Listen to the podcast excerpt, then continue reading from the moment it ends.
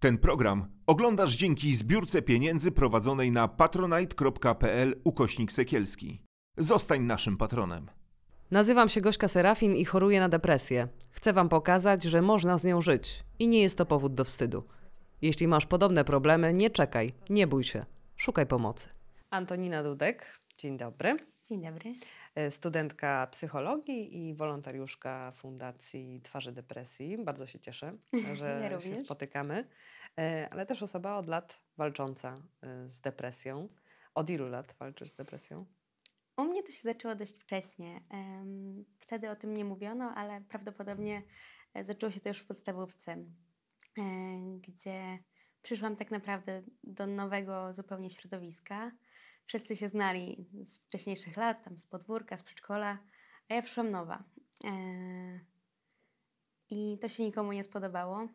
E, Byłam wyszydzana, przezywana. Teraz byśmy to nazwali mobbingiem. Wtedy nie było takiego określenia. Depresji dziecięcej też nie było wtedy. Em, Więc prawdopodobnie to już było wtedy, że codziennie przez 6 lat prawie wracałam z płaczem do domu i, i miałam dosyć.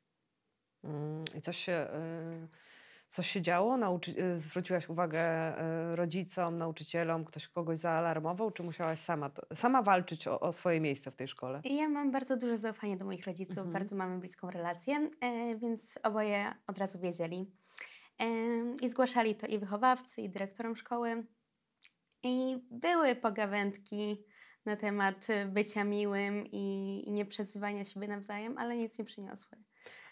A pomagał ci y, psycholog dziecięcy? Jakoś tak y, zaopiekowano się Nie. tobą w tej kwestii? Nie, wtedy w ogóle nie było czegoś takiego. Pedagog szkolny zajmował się dziećmi, które miały wady wymowy albo jakieś tam zdiagnozowane schorzenia typu dysleksja, dysgrafia. Em, zdrowiem psychicznym dziecka w podstawówce wtedy nie zajmował się nikt. I jak to się na, y, na tobie od, odbiło? Odczuwałaś już wtedy, tak jak sobie dzisiaj pomyślisz o, o, y, o małej Tosi, to, to, mm, to były to takie depresyjne odczucia, czy bardziej Na takie pewno. dziecięce, nastoletnie troski? Um, nastoletnie to dopiero później. Mhm. Na początku były to takie, teraz widzę, że to były bardzo takie depresyjne symptomy, bo myślałam o tym, jakby to było beze mnie. Mhm. Myślałam o tym, jakby można było to zrobić. Em, wtedy jeszcze wyszedł film Sala Samobójców, więc na ten Mhm. temat zaczęło się mówić. Ale on był też odebrany trochę jak taki efekt Wertera, że po prostu pokazano, jak można to zrobić. E, więc właśnie takie małe, bezmyślne dziecko, jak ja wtedy em, obejrzało i zaczęło jakby jeszcze więcej na ten temat myśleć.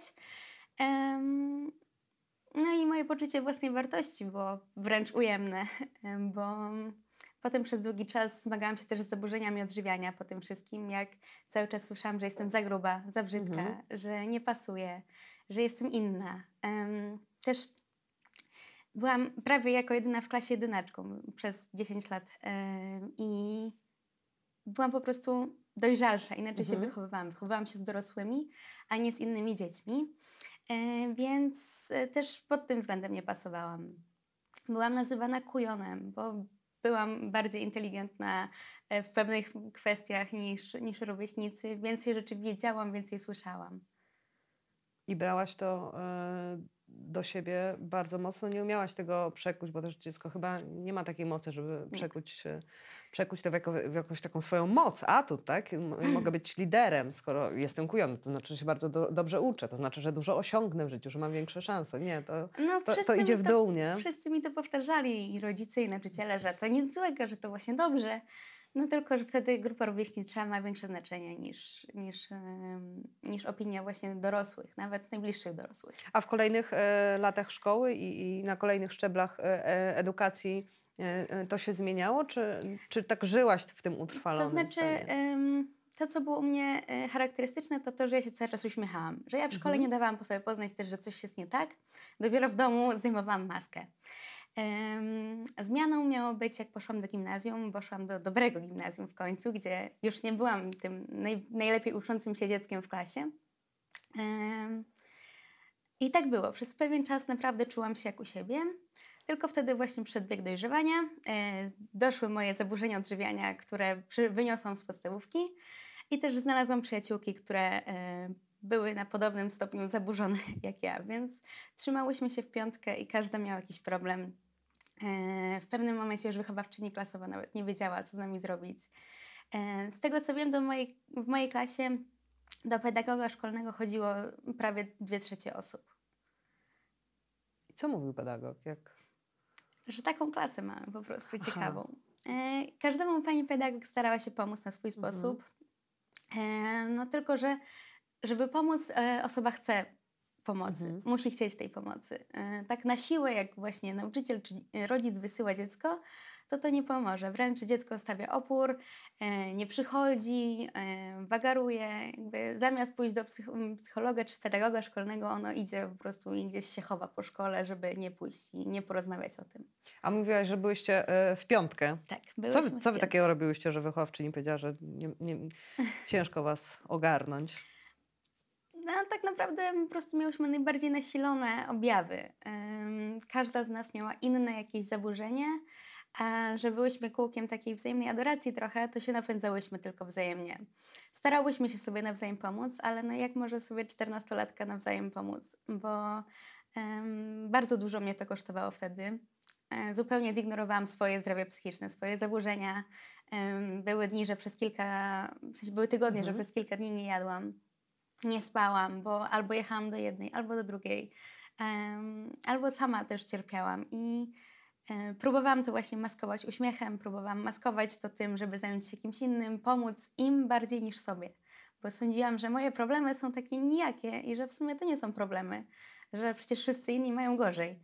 Em, więc olałam siebie i, i pomagałam innym. Czyli umniejszałaś swoje e, problemy. Bardzo. To chyba dosyć charakterystyczne jest, nie? Dla, dla Tak. osób, które, które mają depresję, że tak sobie na, na początku starają e, powiedzieć, że no, inni mają gorzej, albo że tak wymyślam, że nie jest aż tak źle. Na pewno, zwłaszcza, zwłaszcza dziecko, które słyszy, że a jak będziesz dorosła, to dopiero zobaczysz kredyty, podatki, to dopiero są problemy. Na razie jesteś A dzieciakiem. na razie jesteś dzieckiem, to jedyny twój problem to szkoła i dobre, dobre oceny.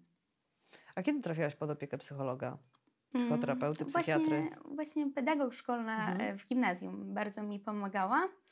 Dopiero w liceum, kiedy po raz kolejny zmieniłam zupełnie środowisko, byłam gotowa pójść na terapię. Rodzice wcześniej mnie zachęcali, Mhm. czy bym nie chciała pójść do mm, takiego prawdziwego psychoterapeuty, a nie tylko między lekcjami chodzić e, właśnie kilka pięter na dół w szkole. E, tylko ja nie byłam gotowa, bo właśnie koleżanka miała większe problemy, ktoś tam miał większe problemy i ja sądziłam, że ja będę zabierała czas temu terapeucie.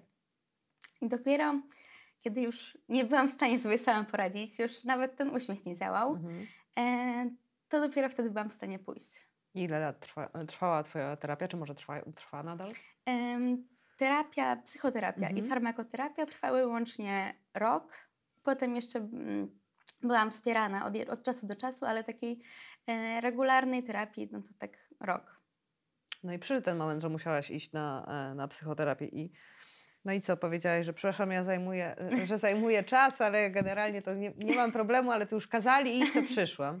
Em, no ja też mm, miałam taką postawę, cały czas w sumie mam, Mhm. takiej grzecznej dziewczynki, więc ja przyszłam, tak usiadłam z boku, tak nie chciałam mówić za bardzo.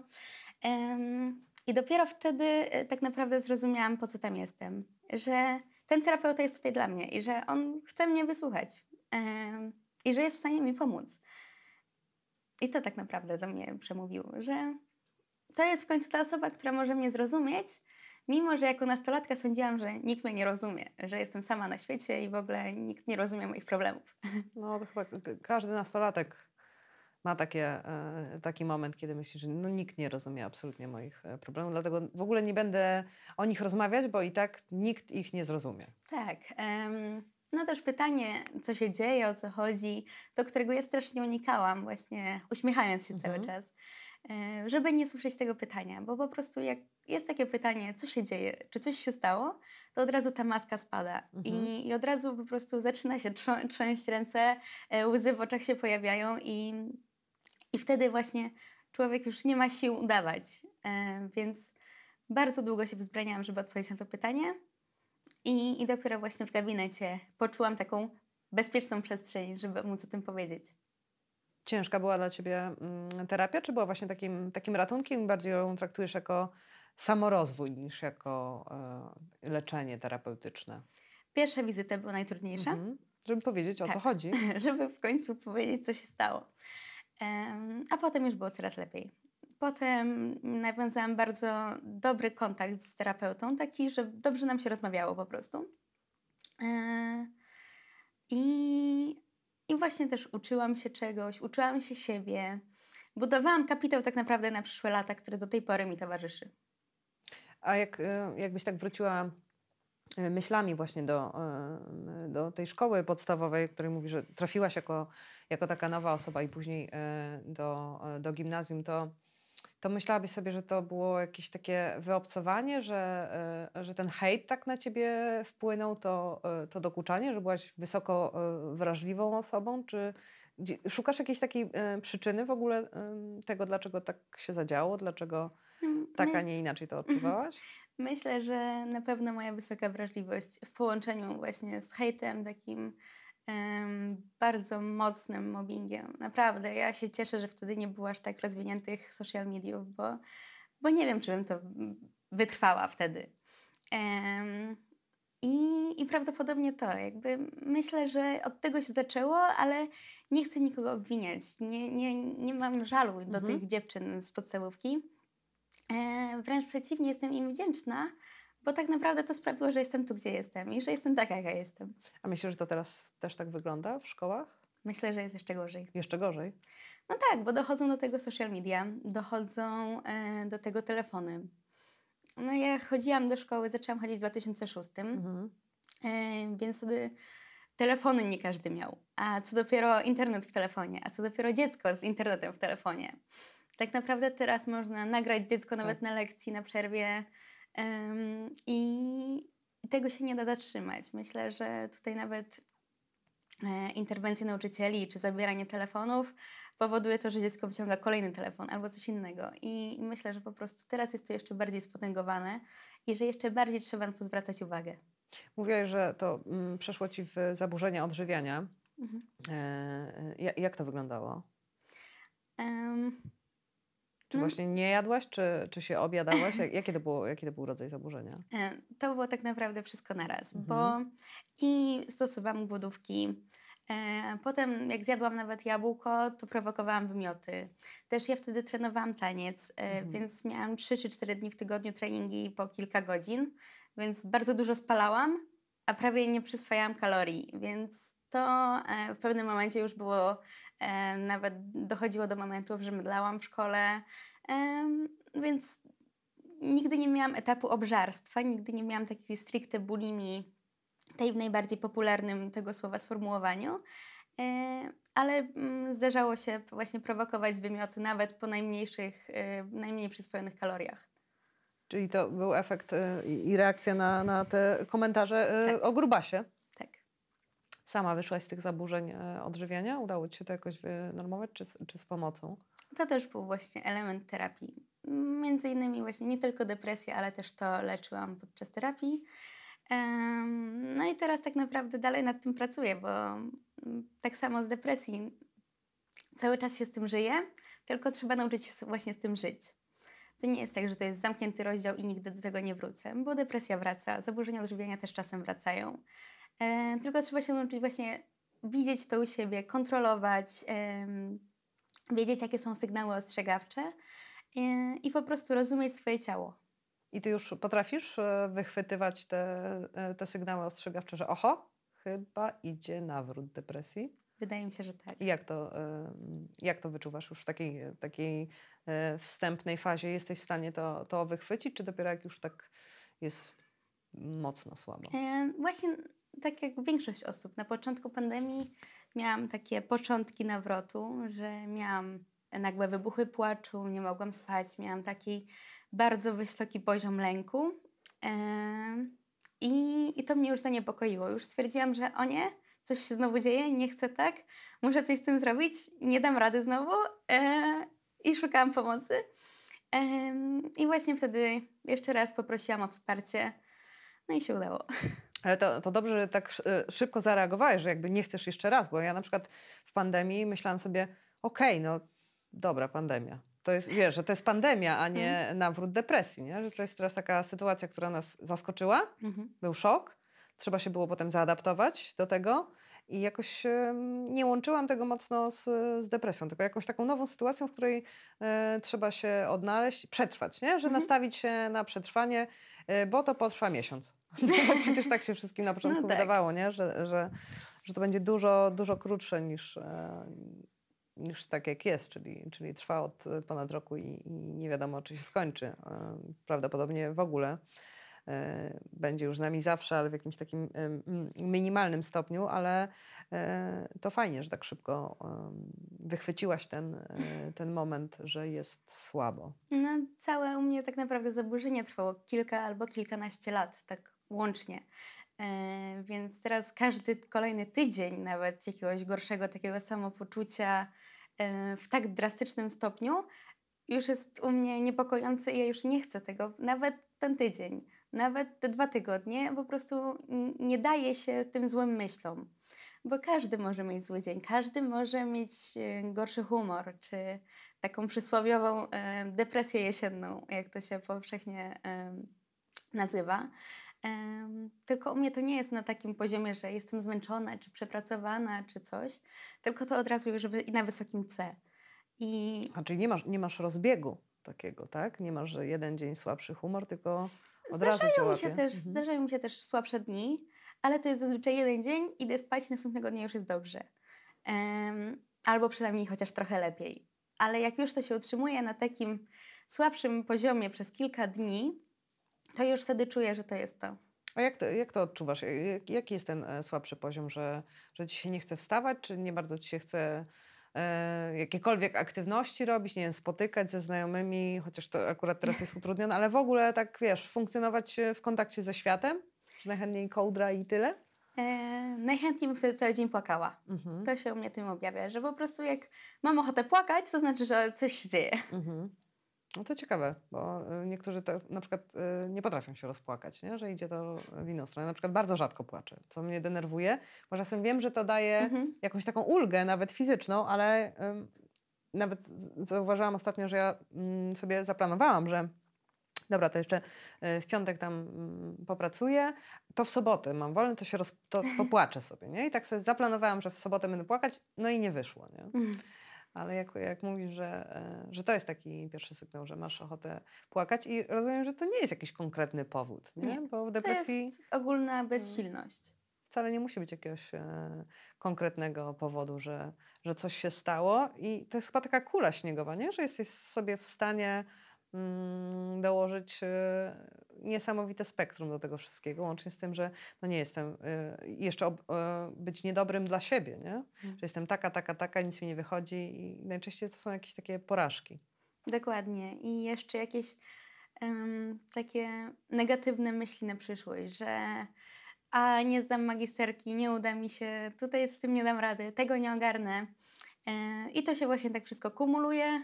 Ja to w sobie chowam, chowam, chowam i nagle po prostu jednego dnia zaczynam płakać i albo się oczyszczam e, i jest dobrze, albo następnego dnia dalej chce mi się płakać i wtedy już wiem, że coś się dzieje. Czyli pozwalasz sobie na jeden dzień płaczu?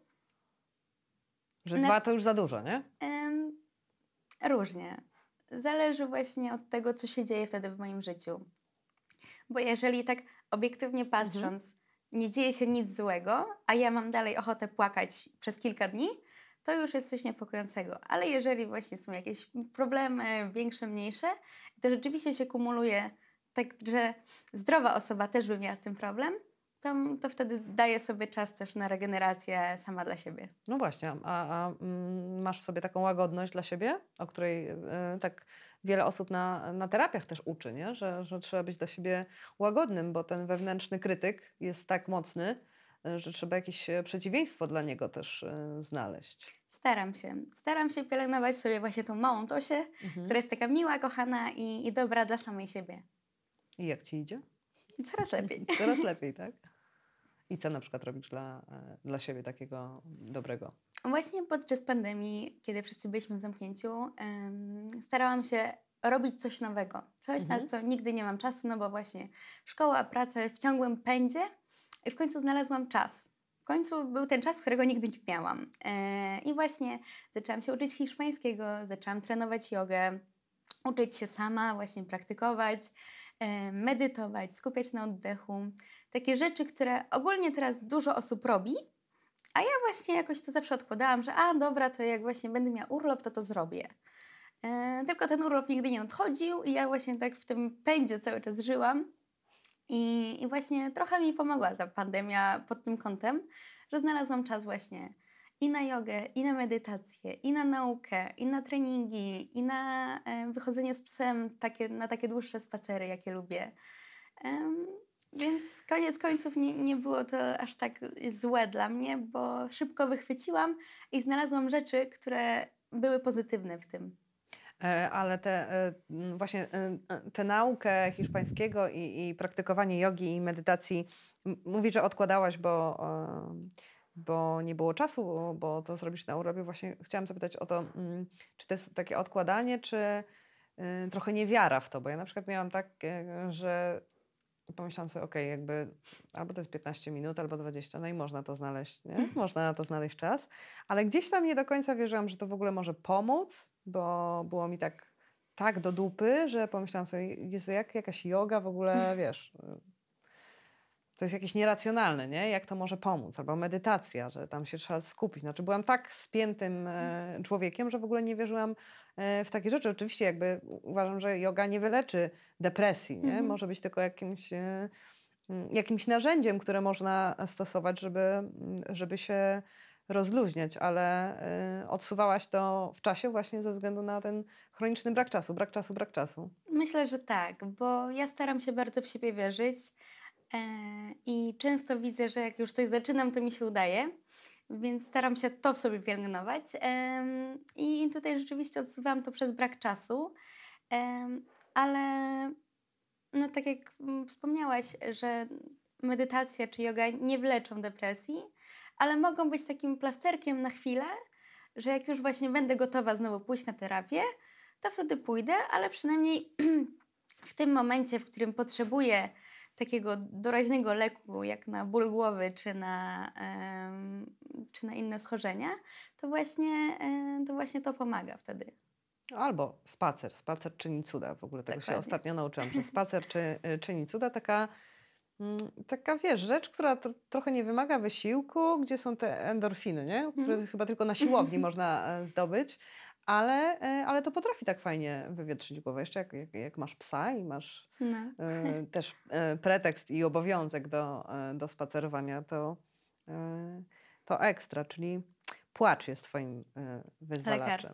Tak, ten płacz jest lekarstwem na, na depresję, ale już rozumiem, że w związku z tym, że na terapii też zajmowała się zaburzeniem odżywiania, to, to nie traktujesz teraz właśnie jedzenia jako, e, jako lekarstwo w, w sytuacji, gdzie, gdzie jest ci źle. Nie uciekasz w to. Nie, nigdy nawet nie uciekałam, mhm. tylko właśnie bardziej uciekałam w ten uśmiech, mhm. w takie pokazywanie, że wszystko jest ok, żeby nikt się o mnie nie martwił, żeby nikt nie zadawał pytań. Więc właśnie na zewnątrz się uśmiechałam i to nawet moja wychowawczyni w liceum, jak się dowiedziała, że właśnie choruję na depresję, zaczęłam leczenie, była w szoku. I, I dziwiła się, jak moja mama powiedziała właśnie, że Tosia choruje i leczy się, i jest na lekach i tak dalej.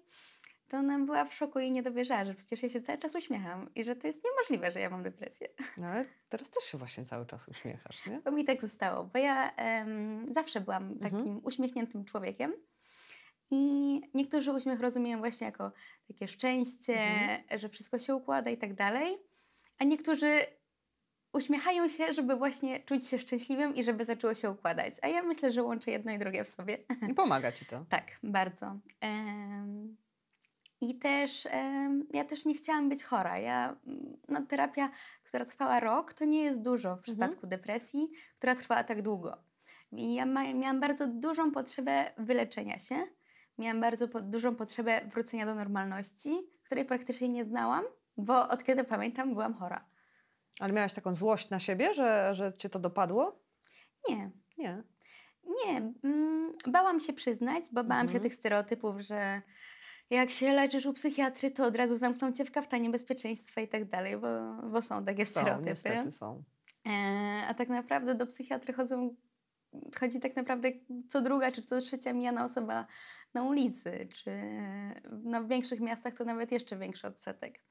Więc to nie jest nic złego, to nie jest nic wstydliwego. I też z tym stereotypem staram się walczyć, że właśnie dlatego o tym mówię, że ja nie jestem celebrytką e, czy, czy znaną osobą, więc jakby tutaj bardziej od tego jest właśnie kampania Twarzy Depresji, żeby mówić, że nawet takie osoby e, chorują, ale ja też pokazuję, że właśnie nawet dziecko może chorować. I to nie jest wstyd, że dziecko idzie wtedy do psychiatry, psychologa, psychoterapeuty, bo to jest normalne. To jest taki sam lekarz jak każdy inny.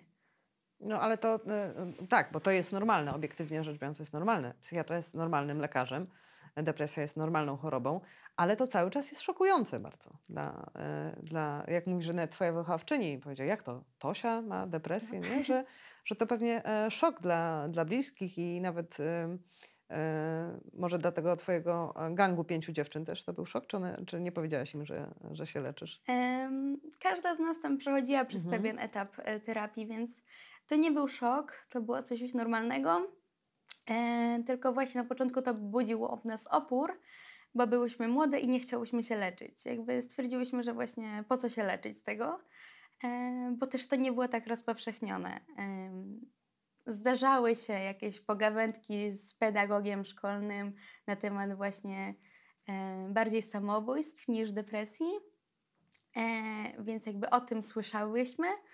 E, ale właśnie o tym, że jak ktoś ma depresję i że powinien się z tego leczyć, to się o tym nie mówiło i to było dla nas takie trochę wstydliwe. Między sobą mówiłyśmy jak to przyjaciółki, takie dość bliskie. Mhm. Rozmawiałyśmy o, o, takich rzeczach, ale, ale wstyd było nam się samym przed sobą przyznać, że rzeczywiście potrzebujemy pomocy, bo właśnie był w nas pielęgnowany ten stereotyp. Ale myślę, że wstyd jest Bardziej wstyd jest przyznać się samemu przed sobą, czy przed y, światem? Jak to u ciebie było? Miałaś, y, wstydziłaś się sama przed sobą, że, że, ja to, że to, już? Ja się nie wstydziłam mhm. przyznać e, ani przed sobą, mhm. ani przed światem, bo rodzice sami proponowali, więc oni widzieli, że coś się dzieje. Więc to jakby nie było mowy o wstydzie, bardziej o tym, że no w końcu się zdecydowałam i w końcu jestem gotowa, to jest ten moment. Przed sobą też nie było mi trudno się przyznać, ale wiem, że niektórym jest trudno przyznać się bardziej przed innymi niż przed sobą, bo właśnie e, to, że jakieś, nie wiem, zajmują kierownicze stanowisko i że muszą się przyznać przed innymi i że to im właśnie jakoś w pewien sposób obciąży ich, czy ja też na początku nie podawałam e, nazwiska w pierwszych wywiadach o depresji, bo bałam się, że pracodawca na to źle spojrzy kiedyś i że mnie nie zatrudni w danej pracy, bo tam kiedyś miałaś depresję i tak no nie za bardzo jakby... Tylko pogodziłam się z tym, zrozumiałam właśnie, im więcej wywiadów dzieliłam, tym więcej rozumiałam, że przecież to jest normalna choroba. No to tak jakbym mówiła o tym, że wyszłam z nowotworu, czy, e, czy że mam cukrzycę i z tym żyję. E, o tym się mówi, takich ludzi też się zatrudnia do firm, więc e, nie sądzę, żeby to był kiedykolwiek dla kogokolwiek problem. Ani w moim, ani w niczym innym przypadku. Ja wiesz, słyszałam właśnie też o, o, o problemach, jakie pracownicy mają ze, ze swoimi pracodawcami, nie? że no jednak jest e, wynikający oczywiście z nieświadomości taki, taki stereotyp, że no, osoba, która choruje na depresję, jakby nie jest pracownikiem stabilnym i, i, godnym zaufania. Przy czym na przykład ja sama e, po sobie wiem, że e, jak chorowałam na depresję i w ogóle w pracy dawałam z siebie 200%. Nie? Że, że jakby czasem jest tak w depresji, że ta, ta robota cię trzyma przy życiu i tam idziesz dać z siebie 200%, a cierpieć ja sobie cierpiałam w domu, nie? A, a poświęcałam się tak pracy, że jakby no, nie było szans, nie zawaliłam jej. No, ona, ona mnie trzymała przy życiu, a w domu była kanapa, koc albo podłoga.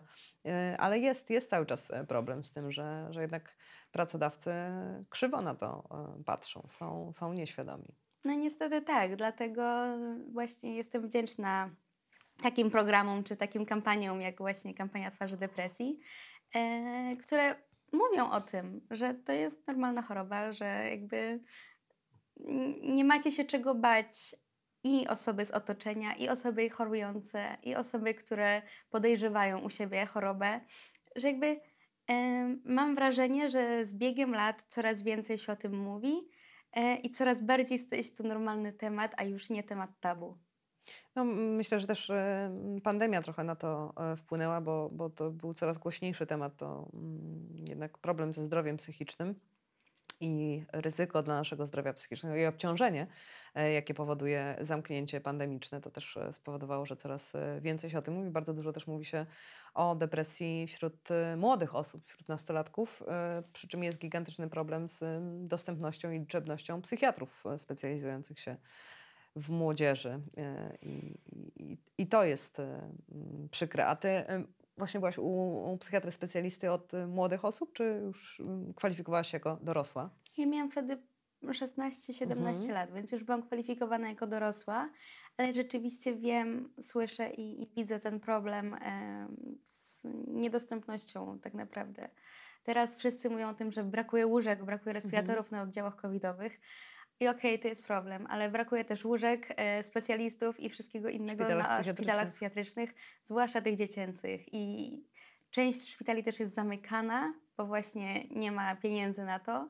I, I coraz mniej jest jeszcze tych miejsc niż było kilka lat temu. No, COVID przyniesie w tej kwestii niestety tragiczne żniwa. Już przynosi, już przynosi. Jak, Niestety jak tak. pokazują na razie badania e, sondażowe, ale też no, zwiększyła się dwukrotnie w czasie pandemii liczba osób e, leczących się na depresję. Ciekawe ile jeszcze, pewnie drugie tyle w ogóle nie podejmuje takiego leczenia, ale no, mam nadzieję, że między innymi e, dzięki naszej rozmowie i dzięki, dzięki różnego rodzaju e, kampaniom ta, ta świadomość będzie coraz większa. Chciałam zapytać o, o wizytę u psychiatry, wiesz, bo, bo raczej pytam e, o to wszystkich gości, bo to jest taki, mm, taki trudny moment, nie? Że, że inaczej zupełnie idziesz do ortopedy, a trochę z innym mm, wstydem, nastawieniem albo mm, oczekiwaniem i, czasem może nawet niepokojem idziesz do psychiatry. Coś w tym jest. Rzeczywiście tak, aczkolwiek myślę, że to zależy od poziomu, na jakim się jest w- danym momencie. Bo ja najpierw zaczęłam psychoterapię, dopiero później po chwili włączyłam farmakologię w to, farmakoterapię. Em, więc ja już miałam trochę przepracowanych tych tematów i byłam z tym bardziej oswojona. E, lekarz psychiatra nie był jakby moim pierwszym kontaktem, tylko psychoterapeuta był. Psychoterapeuta zasugerował ci, e, żebyś udała się do psychiatry, czy Tak. sama czułaś? A, zasugerował ci, Tak, tak? zostało mi to zasugerowane, bo kolejny stereotyp, którego się bałam, to to, że leki zmieniają osobowość, że będę nie do poznania, że się roztyję, czego strasznie się bałam, bo właśnie, nie wiem, będą e, wpływały na to, jak jem, ile jem i tak dalej. Mnóstwo było mitów na ten temat. I ja tak się, one ci się kojarzyły? tak. I leki? Ja się bałam, bałam się iść właśnie po receptę tak naprawdę do psychiatry. Bo sama wizyta u psychiatry mnie tak nie przerażała, co to, że dostanę receptę, będę musiała to zażywać, żeby mi to rzeczywiście pomogło i jaki to przyniesie wpływ na mnie. A nie bałaś się tych e, pierwszych kilku tygodni na lekach, bo one są ciężkie bardzo dla, dla niektórych. Nawet tak, kurczę, fizycznie, nie? Że, Mm. że oprócz tego, że, że psychicznie wcale nie jest lepiej. A przecież e, poszłam do psychiatry po to, żeby mi było lepiej i, to błagam o pomoc natychmiast, że psychicznie wcale nie jest e, dużo lepiej przez te parę tygodni, ale jeszcze są te e, fizyczne doznania dosyć takie ciężkie i, i mocne, ale rozumiem, że gdzieś tam z tyłu głowy miałeś, żebym nie przytyła. Tak, No. no. jakby to była moja główna motywacja i to, żebym się za bardzo nie zmieniła, żeby mi tam mózgu po prostu nie wyczyściło. I ja byłam przygotowana na te pierwsze tygodnie, że może być wręcz gorzej, że em, mogę się źle czuć fizycznie, ale też moi rodzice byli na to przygotowani przez em, właśnie psychiatrę i mojego mm, terapeutę, e, więc mieli mnie jakby pod opieką cały czas i pilnowali. I ja bardzo dużo e, im zawdzięczam, jestem im bardzo wdzięczna do tej pory, bo byli ogromnym wsparciem i przez całą terapię i szczególnie właśnie w tych pierwszych tygodniach e, na lekach, bo em, no nie wiem, czy bym dała radę sama. No właśnie, to jest, to jest ogromne szczęście mieć właśnie w, wsparcie w rodzinie, bo bardzo często jest tak, i też wiele osób o tym mówi, że okej, są w stanie powiedzieć tam znajomym coś, ale najtrudniej jest powiedzieć rodzinie. A u ciebie było właśnie odwrotnie. To rodzice e, czuli, widzieli, obserwowali cię i sami e, sugerowali, bo no jak sobie przypomnę swoje nastoletnie czasy, no to gdybym coś takiego powiedziała rodzicom, sama zasugerowała, albo nie, pedagoga chyba nie było w szkole, wiesz, że, że kurczę, jest źle, nie mam siły na to i na to, no to w tej nieświadomości, która panowała wtedy lat temu, 20, to było, no ale mm, ucz się, no nie wiem, jakby, no co ty wymyślasz, nie? No jest coś takiego. Dokładnie. Jest ym, i mimo wszystko wciąż jakby jest ten stereotyp właśnie depresji dziecięcej, że a może to bunt nastolatka, a po prostu jesteś Hormony leniwa. i lenistwo, no. Em, idź do szkoły, nie wagaruj. Jakby to, że się źle czujesz e, i nie masz żadnych objawów, a po prostu czujesz się tak źle, że nie, nie jesteś w stanie pójść do szkoły i mieć kontakt z tyloma ludźmi przez tyle godzin, to jakby dopóki nie masz gorączki, to siedzisz w domu tak naprawdę. I, i, i właśnie też część rodziców tak do tego podchodzi. No i ja miałam ogro- ogromne szczęście, że po prostu moi rodzice zupełnie inaczej do tego podchodzili. I dlatego też e, staram ja się s- staram Mhm. się pomagać innym właśnie, kiedy ja zobaczę u kogoś już pierwsze symptomy. Nie mówię, że jestem specjalistą, nie mówię, że jestem em, tutaj właśnie od leczenia ich. Ale masz Tylko doświadczenie chorobie. zauważam po, po innych czasem swoje symptomy i wtedy pytam, czy coś się dzieje, czy ktoś inny też to zauważył, e, czy chcesz o tym ze mną porozmawiać. I, I nawet jak ta osoba nie chce, to po prostu mówię, że w razie czego możesz do mnie przyjść. Albo napisać, albo zadzwonić. No, czasem rozmowa w cztery oczy jest trudniejsza niż rozmowa na Messengerze. E, I ja też to rozumiem. A zdarzyło się, że ktoś właśnie wrócił, przyszedł? wielokrotnie. Tak? Tak. I im więcej mówię na ten temat właśnie w wywiadach, czy, czy też piszę na swoich social mediach, tym więcej osób do mnie pisze. I co radzisz wtedy? Szybko idź po pomoc? Bo ja zawsze mam taką, taką poradę do, do, do wszystkich osób, które do mnie piszą. Jakby nie, mm, nie jestem terapeutą, nie jestem psychiatrą. Jedyne, co mam, to jest moje doświadczenie, ale też e, z depresją jest tak, że wiele osób różnie ją odczuwa, nie? że mają Mhm. totalnie różne doświadczenia. I, I jedyne, co mogę, to dzielić się swoim doświadczeniem i, i nie sugerować nikomu niczego, tylko mam zawsze jedną sugestię. Idź, poszukaj pomocy, nie? Idź do specjalisty, do, do lekarza albo do psychoterapeuty, albo po prostu pogadaj z kimś, tak? E, e, To jest e, zawsze ten, ten pierwszy krok. E, Ja mam przygotowaną taką odpowiedź, że jesteś gotowy mi o tym powiedzieć, doceniam, ale czy jesteś gotowy o tym powiedzieć komuś, w przypadku dzieci komuś dorosłemu, albo komuś wykształconemu pod tym kątem? Bo powiedzieć koleżance z klasy, czy powiedzieć koleżance ze studiów, czy z pracy, czy komuś jest łatwo, ale powiedzieć komuś, kto się już na tym zna, może być ciężej. I jeżeli ta osoba jest gotowa rzeczywiście poprosić o pomoc specjalistę, to wtedy mówię, że e, że właśnie specjalista e, jest wtedy najlepszym wyborem. E, w przypadku dzieci czasem podaję telefony zaufania, bo em, dzieci i młodzieży, bo często trudno jest im powiedzieć własnym rodzicom, a potrzebują pomocy doraźnej i wtedy dzwonią na mm, telefony zaufania właśnie 116, 111, em, z którymi też wielokrotnie współpracowałam już właśnie w tematyce depresji. E, I rzeczywiście oni są w stanie pomóc na tyle, żeby do niczego złego nie doszło w danym momencie. Często to jest właśnie pierwszy kontakt, taki telefon zaufania, pierwszy kontakt dla dziecka, em, zanim powie rodzicom. E, Ludzie właśnie w telefonie zaufania są przygotowani, jak pokierować dziecko, żeby powiedziało rodzicom, bo często ta rozmowa jest najtrudniejsza.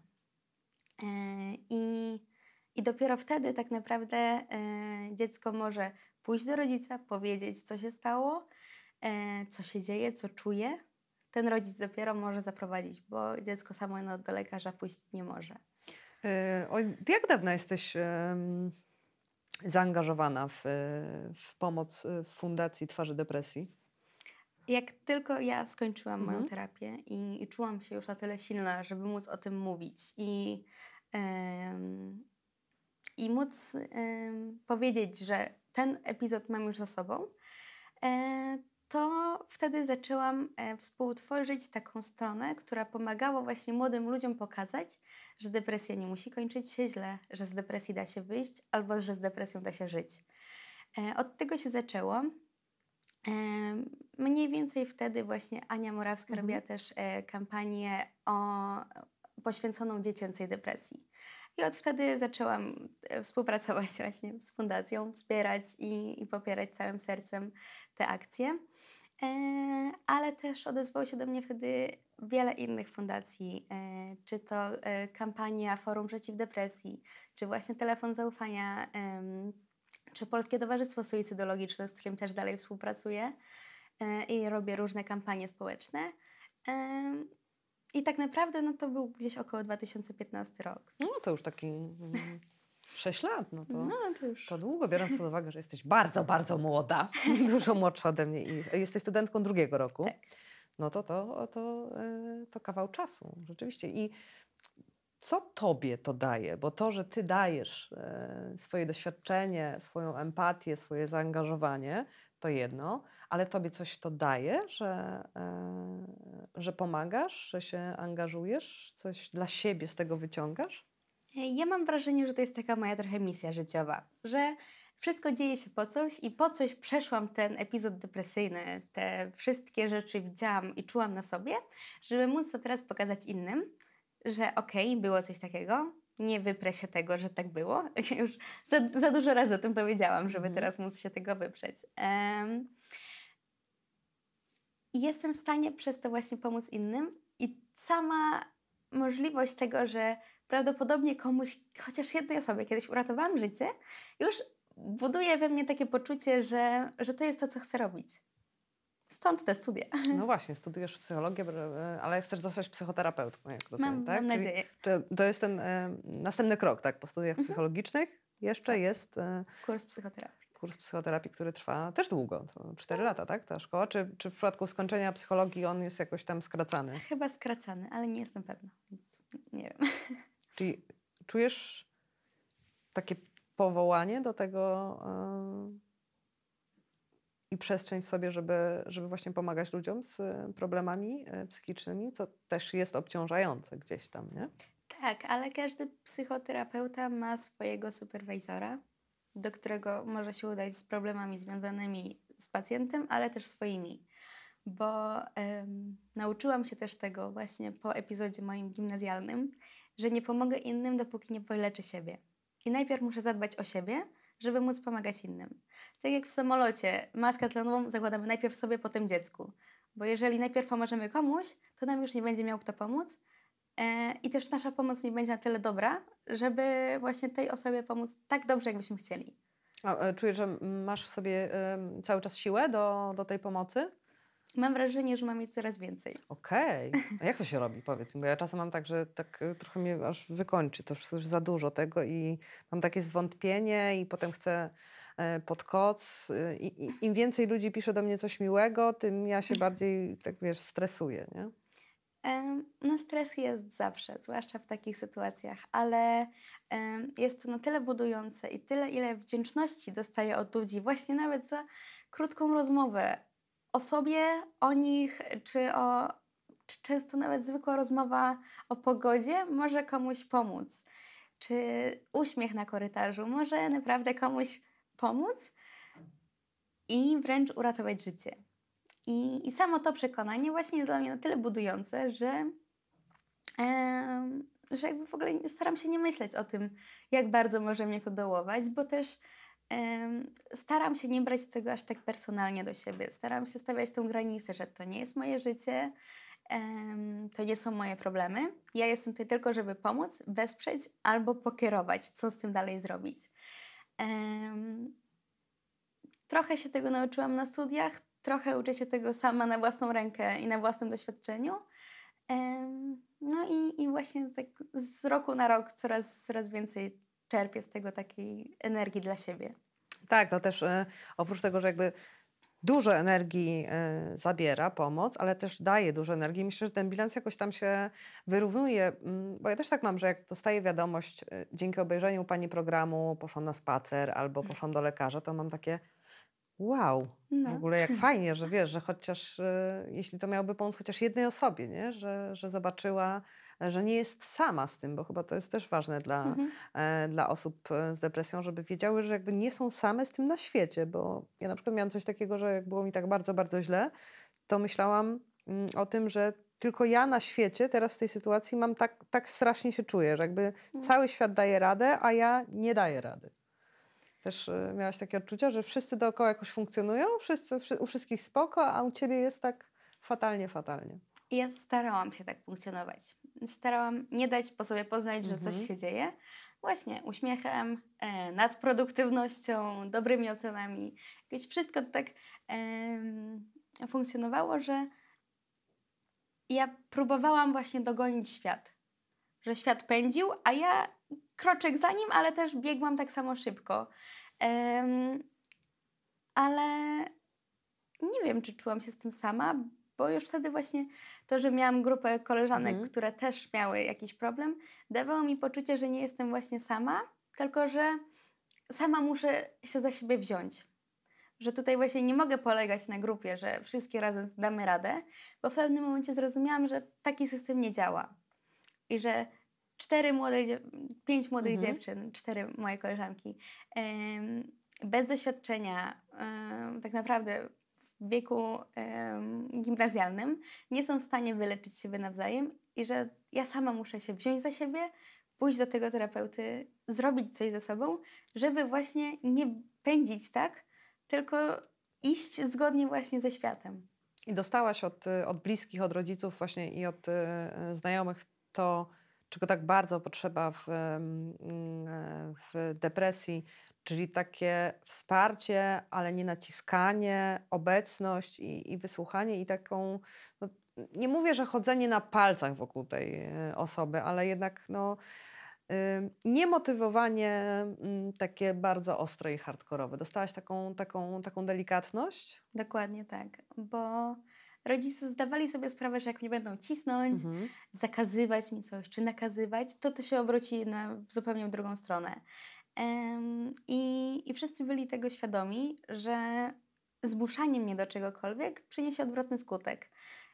Więc zachęcali mnie, pokazywali mi, że no właśnie tutaj jest taka możliwość, taka możliwość, taki znajomy terapeuta, tutaj taki znajomy poleca tego terapeutę.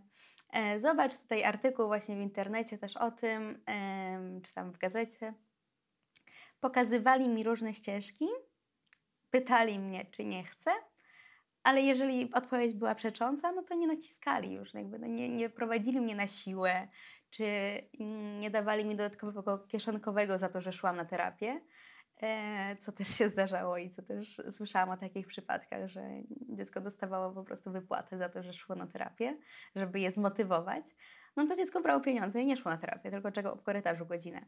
Mhm. E, więc em, myślę, że ja miałam bardzo, em, jakby miałam najlepsze, co mogłam dostać. Dostałam wsparcie, ale bez nacisków. A jak właśnie, jak wynika z Twojego mm, doświadczenia, z, z tego, że kontaktują się z Tobą osoby, Ty się kontaktujesz e, z różnymi osobami z Twoich, z twoich działań, z całego Twojego doświadczenia wokół mm, tematu depresji. y, Co jest najtrudniejsze dla tych osób? Ten, ten, ten, ten pierwszy krok pod tytułem przyznać się przed samym sobą, że, że jest źle, że potrzebuje pomocy, czy właśnie pójście do psychiatry, czy może taka jednak niemoc i niewiara, że, że będzie lepiej, nie? bo to czasem też jest takie bardzo trudne do uwierzenia, że, że będzie lepiej, bo teraz w tym momencie jest koszmarnie. Myślę, że to, to ostatnie, e, że, że właśnie ta nadzieja na przyszłość jest najtrudniejsza do znalezienia. Bo jeżeli ktoś już przychodzi do mnie, no to znaczy, że się przyznał przed sobą, trochę mniej więcej jest gotowy, żeby pójść na terapię, ale nie widzi tego, co jest dalej. Myśli, że no terapia, okej, przeboleję rok, dwa, dziesięć, piętnaście, e, ale że dalej będzie tak samo, tylko że będę pod opieką terapeuty. I to też staram się ja pokazywać, że właśnie można żyć po tym. Jakby, że jest terapia, koniec terapii i ja wtedy jestem gotowa do normalnego funkcjonowania. Czasem wracam, ale mam mechanizmy, które pozwalają mi normalnie żyć, które pozwalają mi normalnie funkcjonować, właśnie wchodzić w relacje, budować poczucie własnej wartości. To są rzeczy, które tak naprawdę powinny być uczone w szkole, a nie są. Ale takich rzeczy można się nauczyć na terapii właśnie. bo, bo to są tak naprawdę mechanizmy potrzebne do życia. Właśnie jak sobie radzić w trudnych sytuacjach, jak sobie, jak nie dać się złym myślom, co robić, kiedy właśnie jest ten natłok myśli. To, to naprawdę są bardzo potrzebne rzeczy i choćby taka, takie proste mechanizmy, takie po prostu instrukcje działania e, dla każdego indywidualne e, jest już wystarczająco na tyle, żeby móc zobaczyć to światełko w tunelu. A ty teraz z, z, z, wiedzą, którą i ze swoim doświadczeniem, które nabyłaś przez, e, przez lata e, walki ze swoją depresją i z tą wiedzą, którą pozyskujesz na studiach psychologicznych, co ty dzisiaj powiedziałabyś tej, tej, tej małej Tosi z, z podstawówki, jakbyś, jakbyś mogła cofnąć czas? By Tośka by się rozpychała rękami, nogami, nie dała sobie wyjść na głowę, nie dałaby się obrażać, czy umiałaby ignorować te komentarze? Czy myślisz, że, że taki Polak mądry po szkodzie i że tak, takich rzeczy się nie da się e, uodpornić na, na to, co ciebie spotkało. Myślę, że ja byłam wtedy za mało, za bardzo grzeczna, mhm. żeby właśnie móc um, powiedzieć coś niemiłego w zamian, czy właśnie, żeby, nie wiem, uderzyć, e, jaka jest często właśnie reakcja na takie rzeczy. E, mali chłopcy często się pobiją i wszystko spoko, jakby kurz opada i, i tyle, i pozamiatane. E, no, małe dziewczynki jednak są właśnie takie grzeczne, że posłuchają, jeszcze, ja to jeszcze przepraszałam, e, jak ktoś mi coś niemiłego mówił, że przepraszam, że taka jestem. Co ja bym powiedziała sobie? Myślę, że budowałabym to, co wtedy dawali mi rodzice. Mhm. E, właśnie pielęgnowała te relacje poza szkołą i, i starała się przetrwać. Jakby założyłabym taki pancerz ochronny, jeszcze większy, jeszcze grubszy, żeby nie słyszeć tego. Po prostu to jest, ale to do mnie nie dociera. Nie brać tego aż tak do siebie. A dzisiaj jak się czujesz? W sensie dzisiaj, e, że dzisiaj w dniu, kiedy nagrywamy, ale teraz na, na wiosnę jak się czujesz? Jak się czujesz w 2021? Dobrze. Ja się naprawdę dobrze czuję, bo właśnie e, mam pewność taką i zaufanie do samej siebie, że jak coś się będzie działo, to wiem, co robić. Mhm. E, to nie jest tak, że znowu po prostu będę błądziła we mgle i nie będę wiedziała, co się dzieje. Tylko mam telefon, pod który zadzwonię, mam mechanizmy, które zastosuję, ale ogólnie, biorąc pod uwagę właśnie sytuację na świecie i tak dalej, staram się szukać pozytywów we wszystkim. E, staram się doceniać to, co jest, a nie martwić się tym, czego nie ma. I, i to tak naprawdę są moje największe lekcje z poprzedniego roku że właśnie pandemia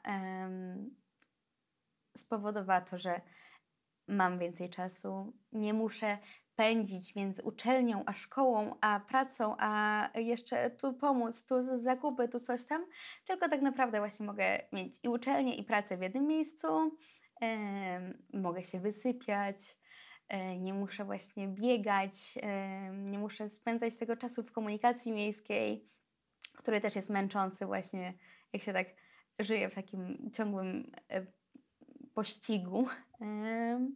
Zaczęłam doceniać tak naprawdę te dobre strony tego, że mam więcej czasu na bliskich, mogę tak naprawdę zwiedzać Polskę, jak nie ma obostrzeń, na co jakby nie ma czasu właśnie w normalnym czasie, bo jak jest urlop, no to się jedzie gdzieś za granicę, a teraz się aż tak nie podróżuje, e, więc właśnie można zobaczyć miejsca, w których się jeszcze nie było, odnowić relacje, pielęgnować aktualne relacje i, e, i tak naprawdę jest dużo rzeczy, które można znaleźć w każdym dniu, które są dobre i które, z których można albo coś pozytywnego wyciągnąć, albo przynajmniej lekcję wyciągnąć. Za które można być wdzięcznym na koniec dnia też. Oczywiście. Nie? A prowadzisz taki jakiś dziennik e, wdzięczności? Notujesz sobie to właśnie tak, żeby, żeby było, że, że w sytuacji, jak jest e, oj słabiej, to żeby sobie wrócić pamięcią do tego, że o, to było fajne, o kurczę, ale dobrą herbatę wypiłam, o, widziałam coś fajnego, coś fajnego. Um, nie notuję, ale mhm. codziennie przedstawiam sobie, robię w głowie taką listę właśnie, przynajmniej pięć rzeczy, które były fajne, które mi się udały. E, też właśnie pielęgnuję w ten sposób samoocenę, że a dzisiaj dobrze wyglądałaś e, w tych spodniach, a jak byłaś na zakupach ostatnio, no to zmieściłaś się rozmiar niżej. e, czy e, właśnie była piękna pogoda. Nawet takie proste rzeczy często pomagają mi mm, kłaść się spać szczęśliwą i budzić się szczęśliwszą. No to tego Ci życzę, żebyś się kładła spać szczęśliwa i jeszcze szczęśliwsza e, wstawała. Ale pewnie się budzisz z tym uśmiechem na ustach pięknym, co? Staram się. Dziękuję Ci bardzo za rozmowę. Ja również. E, kończymy też, bo już e, przepraszam, e, jeżeli mi słychać było moje burczenie w brzuchu. E, prawdopodobnie był to niezły akompaniament do tej rozmowy. E, dzięki wielkie. Dziękuję. Do zobaczenia. Ten program oglądałeś dzięki zbiórce pieniędzy prowadzonej na patronite.pl ukośnik sekielski. Zostań naszym patronem.